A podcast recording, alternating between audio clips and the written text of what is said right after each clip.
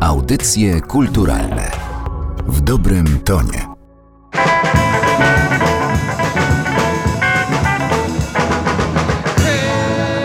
Jest w mieście Tak nam malowane dziewczyny malowana jak żadna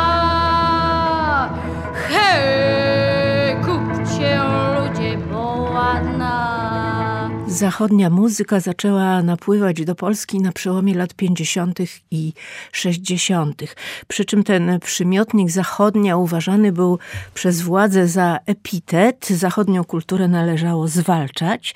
E, Natomiast publiczność uwielbiała te nowinki z zachodu, zarówno jazz, który wtedy rozlał się szeroką falą, e, jak i tak zwany big beat, czyli mocne uderzenie.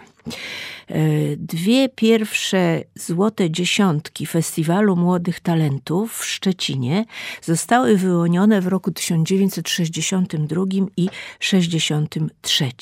Ten Festiwal Młodych Talentów zorganizowany przez e, Jacka Nierzychowskiego między innymi e, i Franciszka Walickiego właściwie umeblował krajobraz polskiego big beatu na, na całe dziesięciolecie i później. E, Jak to było w ogóle możliwe, że tam w Szczecinie odbył się taki festiwal? Właściwie nie wiadomo. Pytałam kiedyś Franciszka Walickiego, jak im się to udało. Powiedział, że psim swędem. No w każdym razie udało się i kiedy pierwszy z tych festiwali odbywał się e, już w Szczecinie, to Władysław Gomułka e, podobno w Komitecie Centralnym Polskiej Zjednoczonej Partii Robotniczej e, walił ręką w biurko i krzyczał, że to jest coś niesamowitego, że nie można tej zachodniej kultury do Polski wpuszczać, bo to niczego dobrego nie przyniesie ze sobą. No ale jednak została ona wpuszczona. I tak jak powiedziałam, te dwie złote dziesiątki, 1962 i 63, e, to były właściwie wszystkie gwiazdy e, muzyki zwanej big beatową. E, To tam właśnie w Szczecinie debiutowali późniejsi członkowie kolorowych zespołów, także potem oni zaczynali tę muzykę big beatową propagować w całej Polsce. Ta fala nowej muzyki wzniosła się tak wysoko, że dotarła do Opola, na festiwal w Opolu, co było naprawdę absolutną nowością, bo ten festiwal został e, wymyślony jako miejsce, w którym propaguje się muzykę rozrywkową, taką grzeczną, a nie e, coś tak rozpasanego jak e, Big Beat.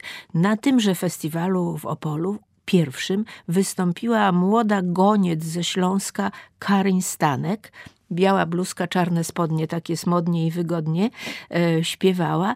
No i rozpętała się burza w prasie i także na tym festiwalu. Otóż tacy e, stateczni krytycy muzyczni nie mogli jej wybaczyć tego, jak się porusza, e, z jaką dykcją śpiewa, że ma zaplecione warkoczyki, że występuje w dżinsach i tak dalej, i tak dalej. No byli potwornie oburzeni.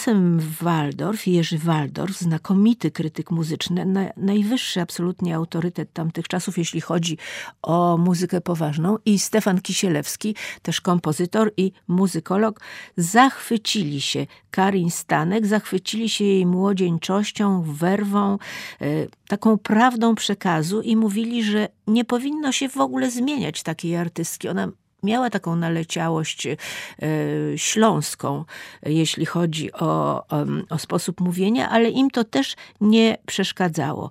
E, Prawdopodobnie ten ich zachwyt spowodował, że Karin Stanek znalazła się w Sopocie, czyli tym festiwalu jeszcze ważniejszym niż Opole, bo międzynarodowym. E, I tam, i tam zaśpiewała między innymi malowaną lalę i musiała bisować w nieskończoność. Opera leśna oszalała zupełnie na punkcie Karin Stanek, do tego stopnia, że kiedy Karin już była zmęczona tym bisowaniem, Irena Dziedzic, prowadząca ten koncert, wspaniała gwiazda telewizji polskiej ówczesna, wyszła na scenę i powiedziała tak, proszę państwa, dajcie dziecku się wyspać. Karin rzeczywiście wyglądała jak dziecko. No i widownia w Sopocie się e, uspokoiła i dała dziecku pójść spać. Karin Stanek, jedna z najważniejszych e, gwiazd tego wczesnego polskiego e, big beatu, e, związana z zespołem Czerwono-Czarni, bo wtedy były dwa kolorowe zespoły, Czerwono-Czarni i Niebiesko-Czarni. Członkowie obu tych grup wywodzili się z dziesiątek, tych dwóch złotych dziesiątek Festiwalu Młodych Talentów w Szczecinie.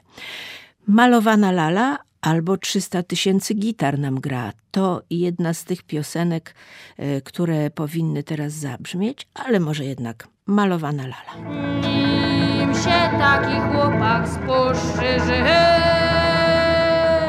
z malowaną lalą ślub bierze.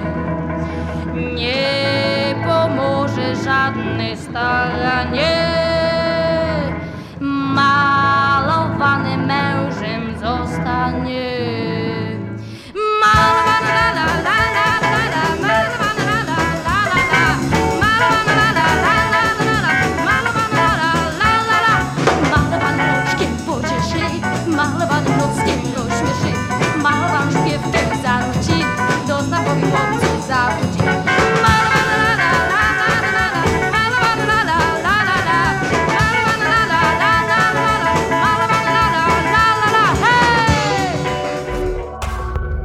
Audycje kulturalne w dobrym tonie.